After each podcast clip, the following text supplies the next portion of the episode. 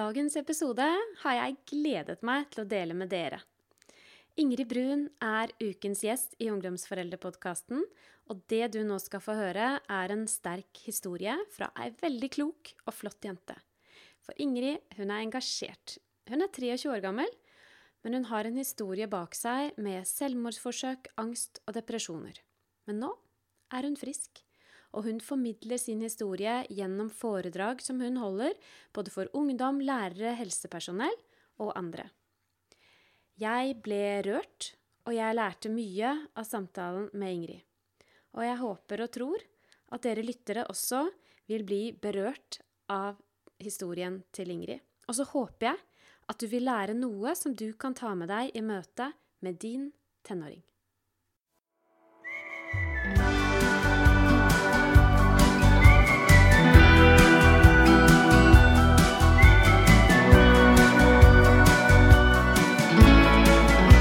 Sett det lenge, kommer til å skje. Du blir voksen, og jeg veit ikke helt hvordan jeg takler det. For de greiene der er søren meg ikke for hvem som helst. Det var utrolig hyggelig, Ingrid, å få treffe deg. Og nå har vi fått sittet her og pratet litt, og jeg har fått bli litt kjent med deg. Um, og vi sitter her på biblioteket i Drammen en fredag kveld. Det begynner heldigvis å bli stille her, sånn at dette intervjuet kan la seg gjennomføre. Jeg vet at du har en sterk historie. Og hadde lyst til å invitere deg hit i podkasten min rett og slett for at du kunne få dele av din historie, og at vi sammen kan snakke litt om hva som har hjulpet deg. Eh, og også hvis du har noen tanker om hva foreldre kan, kan gjøre. Men aller først, når vi møttes nå i stad, Ja. så fortalte du at du, du var litt forsinket fordi du hadde vært i møte med BUP her i Drammen, som du sa reddet deg for fem år siden. Kan du fortelle litt? Hva har du, hva har du gjort i dag, før du kom her eh, i dag? ja, jeg var jo eh, For noen uker siden så sendte jeg melding til eh, de som reddet meg i BUP, og sa tusen takk. Det er noe jeg har tenkt på veldig lenge. Men så har det bare blitt med tanken, og så har jeg tenkt på å sende brev og slike ting. Men nå stalket jeg de på Facebook eh, og sendte de en melding, og så avtalte vi å møtes. Og det var veldig merkelig og godt og skummelt på samme tid. Å komme tilbake og se venterommet der jeg satt før jeg skulle inn til dem og tenkte at nå er livet over. Og... Men eh, det var veldig, veldig, veldig koselig. Veldig flotte mennesker, og vi pratet om eh, alt mulig. Om hvordan de så på meg. Og de husket meg veldig annerledes enn det jeg husket meg selv. Jeg, jeg husket jo, eller følte at jeg var en person som ikke hadde håp. Og hvis du så på meg, så var det ikke noe håp å finne. Men de sa jo det at de hadde jo alltid sett et engasjement, da. Og det var litt sånn Oi, det hadde aldri jeg sett. Så veldig, veldig koselig og litt følelsesmessig. Men eh, veldig godt. Jeg kan tenke meg at det var følelsesmessig sterkt for de også. Å få treffe deg igjen. Ja, de ble veldig, veldig rørt. eh, og helt overvelda, sa de. Og eh, det var jo litt Jeg var ikke der så lenge. Jeg var der bare i tre-fire måneder. Men eh, de hadde jo fått et inntrykk av meg, da. Og det kan ha noe å gjøre med at de sa til meg at jeg hadde fått uh, Tourettes. De ville ikke gi meg noe diagnosere meg, men de antok at jeg hadde fått Tourettes. Og jeg, på den tiden så visste jeg ikke hva det var. Og turte heller ikke å uh, spørre. Og så visste ikke jeg tydeligvis hva Google var på den tiden, så jeg lagde min egen antakelse. Så da gikk jeg en uke og trodde jeg hadde downs. og trodde jeg hadde uh, downs som bare var innvendig, da. Så husker jeg at jeg kom til BUP eh, en uke etterpå, og så spurte de ja, hvordan synes du det var forrige gang? Og jeg bare jo da, det er litt kjipt å ha downs, da. og de ble jo helt forskrekka. Jeg tror jeg klarte å lage en minne som de kommer til å huske en god stund der, altså. Det tror jeg på.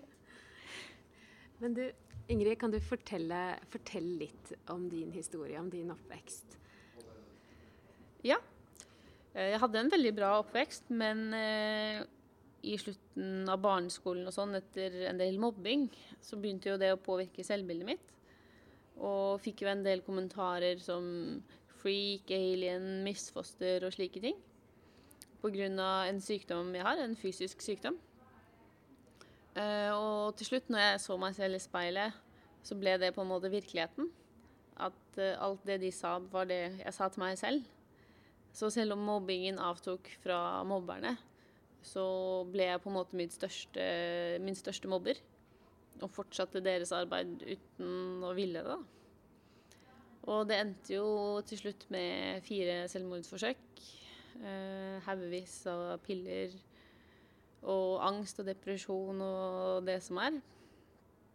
Eh, før jeg til slutt da kom eh, at læreren sa nok er nok. Nå hadde hun sett at jeg hadde falt langt, lenger og lenger ned, og nå måtte hun gjøre noe, da. Så da var det jo en eh, direktetelefon til BUP, barne- og ungdomspsykiatrien. Og vanligvis så må du ha henvisning gjennom fastlege og slike ting, men for meg så hadde det gått så langt at det, det var bare en direktetelefon eh, hvor hun forklarte situasjonen. Og så var jeg til BUP dagen etterpå, da. Så det er jo en eh, historie med mye følelser og opplevelser. Så det hele startet altså med vonde kommentarer, mobbing. Og så har du slitt både med angst og depresjoner, og så har du altså fire selvmordsforsøk bak deg. Jeg er så glad for at du fikk hjelp, og for at du sitter her i dag. Og for at du ikke bare er frisk, men at du i tillegg så formidler du nå historien din til andre. Det er fantastisk. Men du, hvor gammel var du første gang da du forsøkte å ta livet ditt, Ingrid? Eh, første gangen jeg prøvde å, ta livet mitt, var jeg Det var vel tolv. Jeg, gikk, hadde vel akkurat begynt på uh, ungdomsskolen og syntes ikke det gikk så bra. Det var veldig tungt å føle seg verdiløs, føle at man ikke hadde noen venner. Uh, og siste gangen var jeg 17 15. Uh, var en mandag, eller natt til mandag, hvor eh, jeg satt i sofaen hjemme og rett og slett orket ikke mer. Og tenkte at både meg selv og alle de rundt meg ville ha det bedre. da. Uten meg, for det var jo, som mobberne sa, at eh, jeg hadde jo ikke noe verdi. Det var jo ikke noe Jeg burde jo bare dø, som noen også hadde sagt. Så da, da tenkte jeg jo at de hadde rett. Så du, du ble altså mobbet daglig, både på barne- og ungdomsskolen? Eh, Det var ikke daglig, men det var sånne små stikk innimellom. Ja. Så det var jo ikke noe som på en måte ville havna på VG. Men det kjentes ganske grusomt der og da, med sånne kommentarer og slik. Og så jo- på ungdomsskolen så avtok mobbingen, men så ble det mer eh, utestenging. Ekskludering, at de lot som de ikke så meg.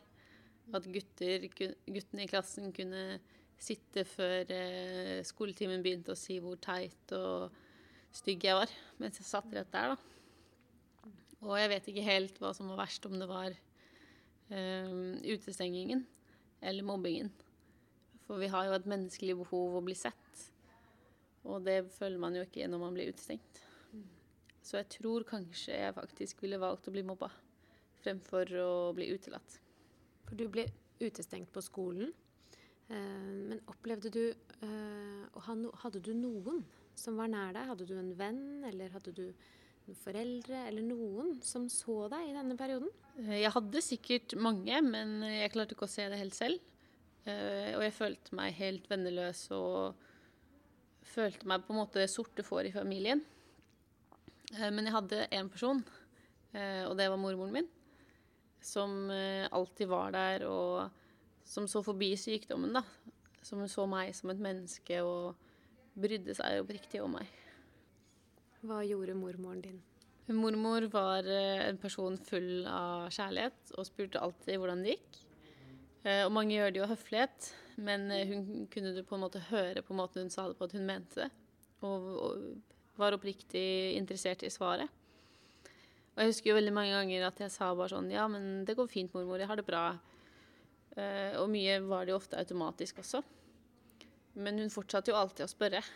Eh, men jeg fortsatte jo å si at det går bra, og tenkte at jeg både gjorde det lettere for meg, som ikke ville prate om det der og da, men også for mormor som var syk, da.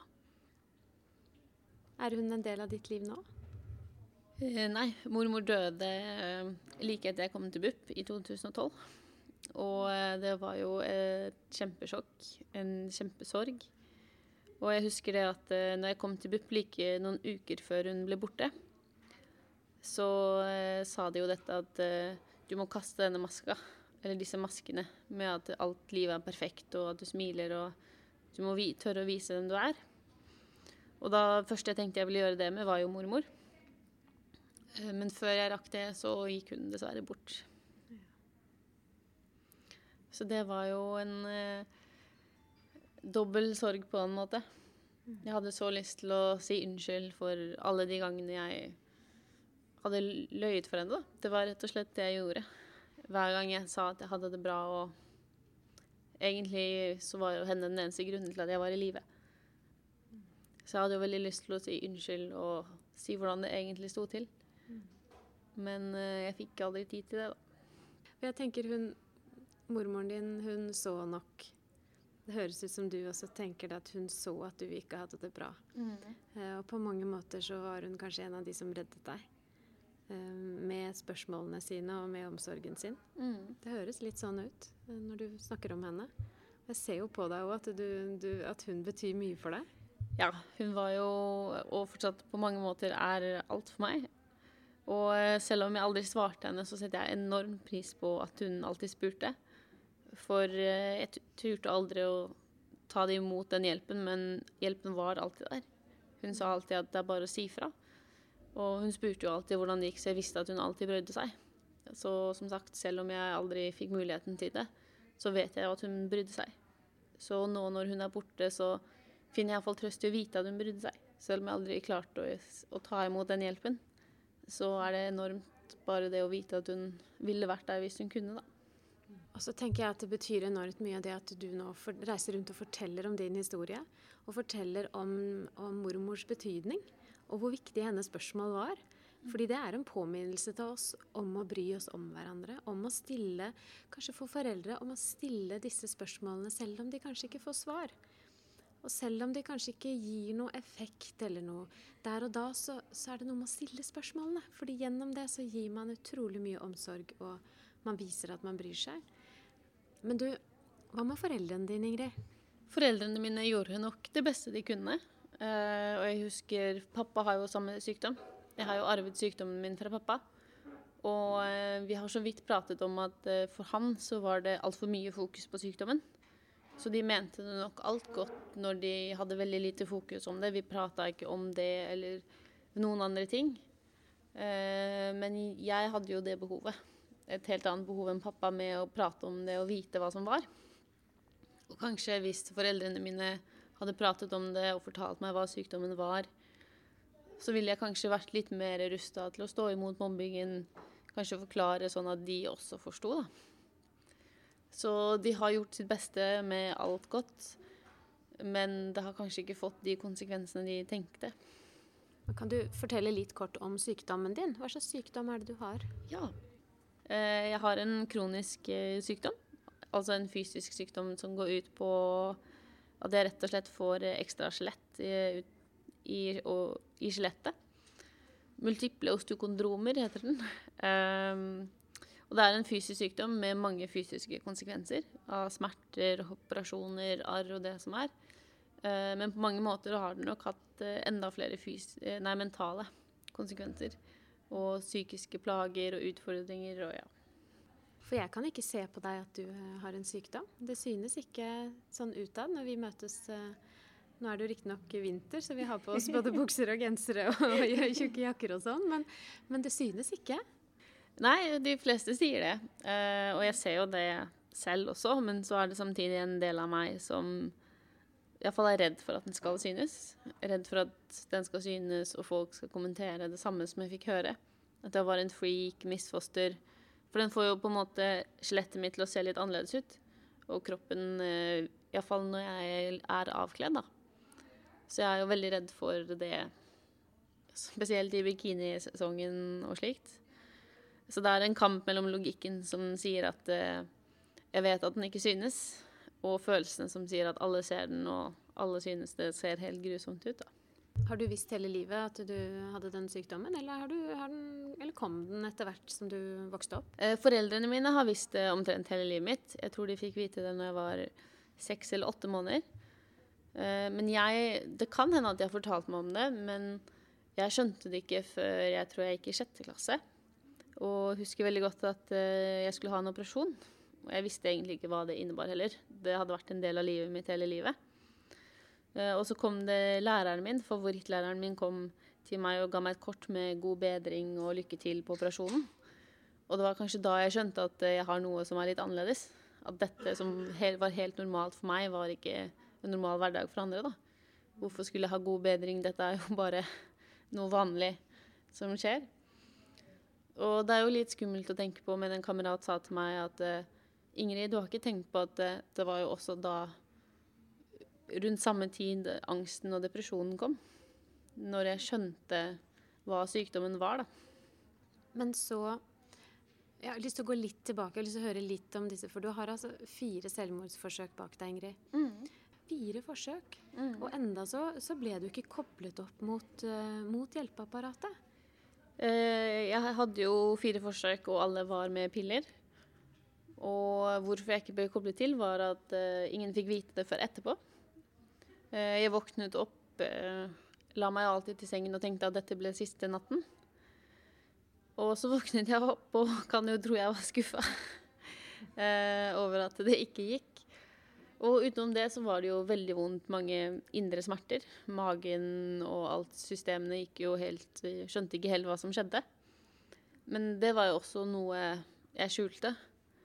For eksempel så husker jeg mange ganger noen dager etter, ettertid så var det jo mye spying, og eh, magen var jo helt forvirra. Men da var det bare at jeg lot som jeg gikk på do, ut i klasserommet pent og rolig, og så løp jeg til doen og lot som om alt var bra, da. Så, så har jeg jo hatt veldig lett tilgang på piller pga. sykdommen. Eh, så har jeg jo fått det jeg vil, og, på en måte. Og når ingen vet at eh, Visste om selvmordsforsøkene, så var det jo ingen spørsmål om det heller. Da kunne jeg jo bare si jeg har vondt, og så fikk jeg en fin boks. Så det var faktisk sånn at dine foreldre de visste ikke om at du hadde forsøkt å ta livet ditt?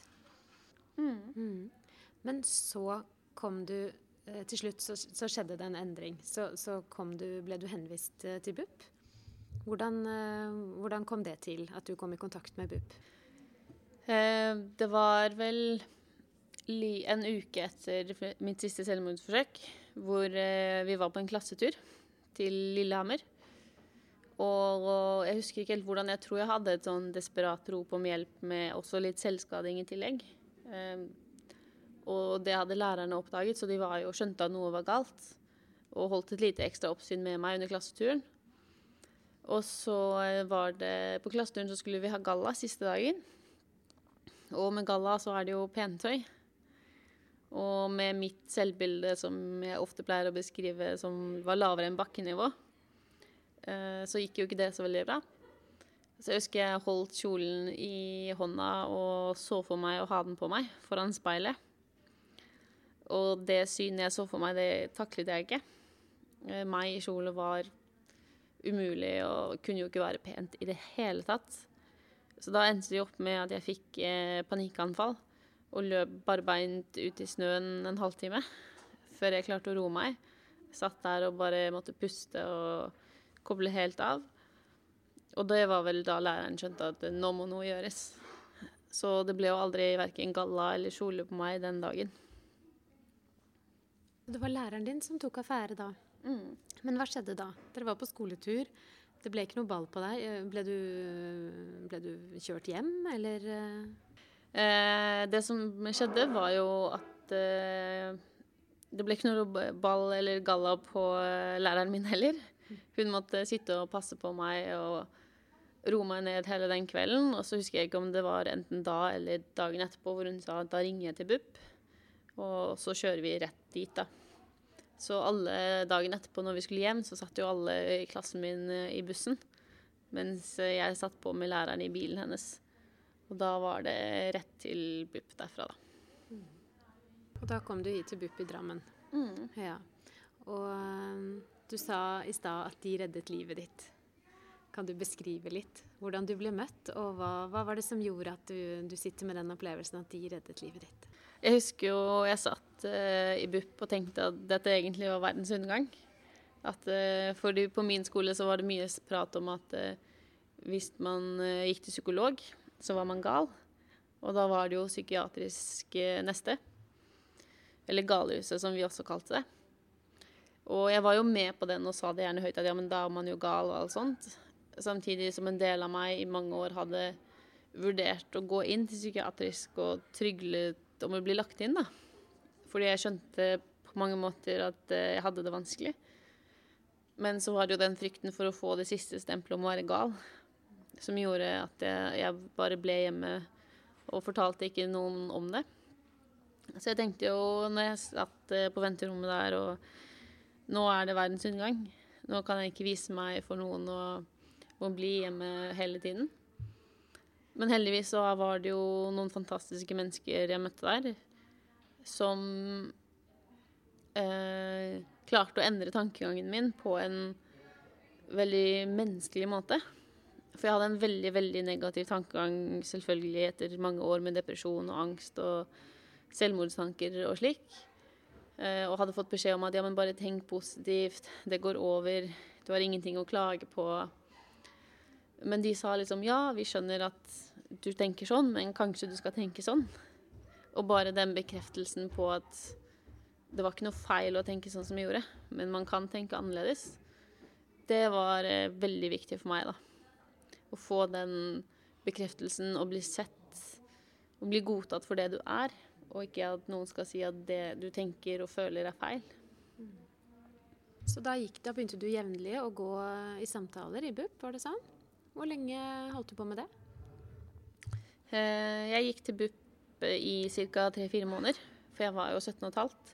Så da var det jo DPS neste. Og ble jo sykemeldt fra jobb og skole, og det eneste jeg gjorde, var å sove. For jeg hadde jo holdt ut for lenge. Så jeg sov og sov, og så gikk jeg i terapi, og så dro jeg hjem og sov mer. Eh, og det gjorde jeg i fire måneder, hvor de prøvde å endre tankemåten min. da. Noe de klarte. Til å se at eh, de fikk meg til å se at det fantes muligheter i livet. Det fantes noe å glede seg over. Og så gikk jeg til DPS og var i behandling der en stund. Og nå, og nå reiser du rundt og forteller din historie. Eh, og holder foredrag rundt omkring, eh, både for helsepersonell, eh, for eh, ungdom, og deler av dine erfaringer. Det er utrolig flott. Jeg tenker det er veldig, veldig nyttig, for du har kjent det på kroppen. Og så vet jeg at du er engasjert i mange ting. Annet mental helse. Mental Helse Ungdom, var det sånn? Ja. Her i Drammen, som du er leder for. Mm. Og så fortalte du meg her i stad at dere er nominert til Frivillighetsprisen. Ja. Dere gjør jo en utrolig viktig jobb, tenker jeg. Eh, så jeg håper dere får den frivillighetsprisen. Ja. Så kan vi legge inn et lite ord for det. En lite sånn oppmuntring til å For det kan man nemlig stemme på ja. på nett. Gå inn og stem på Mental eh, Helse Ungdom mm. Eh, i Drammen og Ingrid Brun, rett og slett, til frivillighetsprisen. Det hadde vært gøy om dere fikk den. Og så er du engasjert i noe annet også. Vil du fortelle litt om hva du Ja. ja. Jeg har jo Min lidenskap i livet har jo blitt noe å fortelle om mine erfaringer. Eh, med håp om å være den personen og gi den informasjonen jeg selv skulle hatt. Bare det å vite at uh, psykisk helse eksisterer. Vite at man ikke er alene, og vite at livet består av oppturer og nedturer. Så da reiser jeg rundt og holder foredrag med eget foretak. Veldig gøy. Så lenge jeg har en historie, så deler jeg den. Og så er jeg også så heldig å være veileder for foredragsholdere i en organisasjon som heter Venn1. Som er et opplæringsprogram om psykisk helse til ungdomsskoler og videregående. Hvor vi prater mye om fakta, men også selvfølgelig deler egen historie. Som gir et litt ansikt til det som de mener er så tabu, da. Da har jeg bare lyst til å si tusen takk, Ingrid, for det som du har delt eh, med meg og med lytterne her i dag i podkasten eh, Ungdomsforeldre. Um, håper at du vil fortsette med dette her i lang tid. Uh, for du har både en formidlingsevne og en sterk historie som jeg tror veldig mange har glede av å lytte til. Uh, men alle, altså helt til slutt så har jeg lyst til å spørre deg om du har noen tanker om hva kunne ha hjulpet deg når du var tenåring, ungdom eh, og hadde det vanskelig. Eh, har, du, har, du, gjort deg noen tanker om eh, Nå har du fortalt litt om mormoren din. Det at hun stilte spørsmål, brydde seg og spurte om hvordan du hadde det. Men i forhold til skole eh, og andre, venner, andre miljøer, hva, hva kunne ha vært godt for deg? Eh, jeg har mange tanker om det, selvfølgelig. Eh, når det kommer til skole, så er det psykisk helse. Å ha det i skoleprogrammet. Og det hadde gjort mye hvis jeg bare hadde visst at det eksisterte. Eh, det er så viktig for barn å høre om det og lære om det, forstå at det er greit å ha det vanskelig. Skoler burde absolutt ha noe om psykisk helse i skolen. Det er så viktig å fortelle ungdom at det er lov å ha det vanskelig, det er greit, og hvor de kan få hjelp, ikke minst. Og eh, venner og familie og nære burde droppe maska. Man går jo alle med en sånn sosial maske hvor man gjerne skjuler det man føler. Eh, tanker og følelser. Eh, og det, man tror det er din beste venn å gjøre deg bra, helt til du tar den av og kjenner hvor tung den har vært å bære. da. Og den gjør også på en måte en, lager en ond sirkel med at du går med sosial maske, og da føler vennene rundt deg at de må gå med en sosial maske. Og så blir det bare en ond sirkel. Og noen må bryte den sirkelen. Noen må være den første til å ta maska. Uh, og så er det jo ikke minst åpenhet og kommunikasjon. Prate om det, prate om følelser, prate om de dårlige dagene. Det er ikke det at man må gå i en dyp psykologtime, men bare si at når folk spør deg hvordan du har det, da, ikke automatisk svare at det går bra, men bare 'ja, jeg har hatt bedre dager'. Og bare den åpenheten som gjør det lettere for andre å forstå, og for deg å være deg selv som du er akkurat den dagen. Da. Så hvis det er to ord, så må det være åpenhet og kommunikasjon, som er alfa og omega. Tusen takk. Da er det rett og slett en oppfordring til å ta av maska. Mm. Det har vært så fint å snakke med deg. Tusen takk for at du fikk være med. Veldig koselig.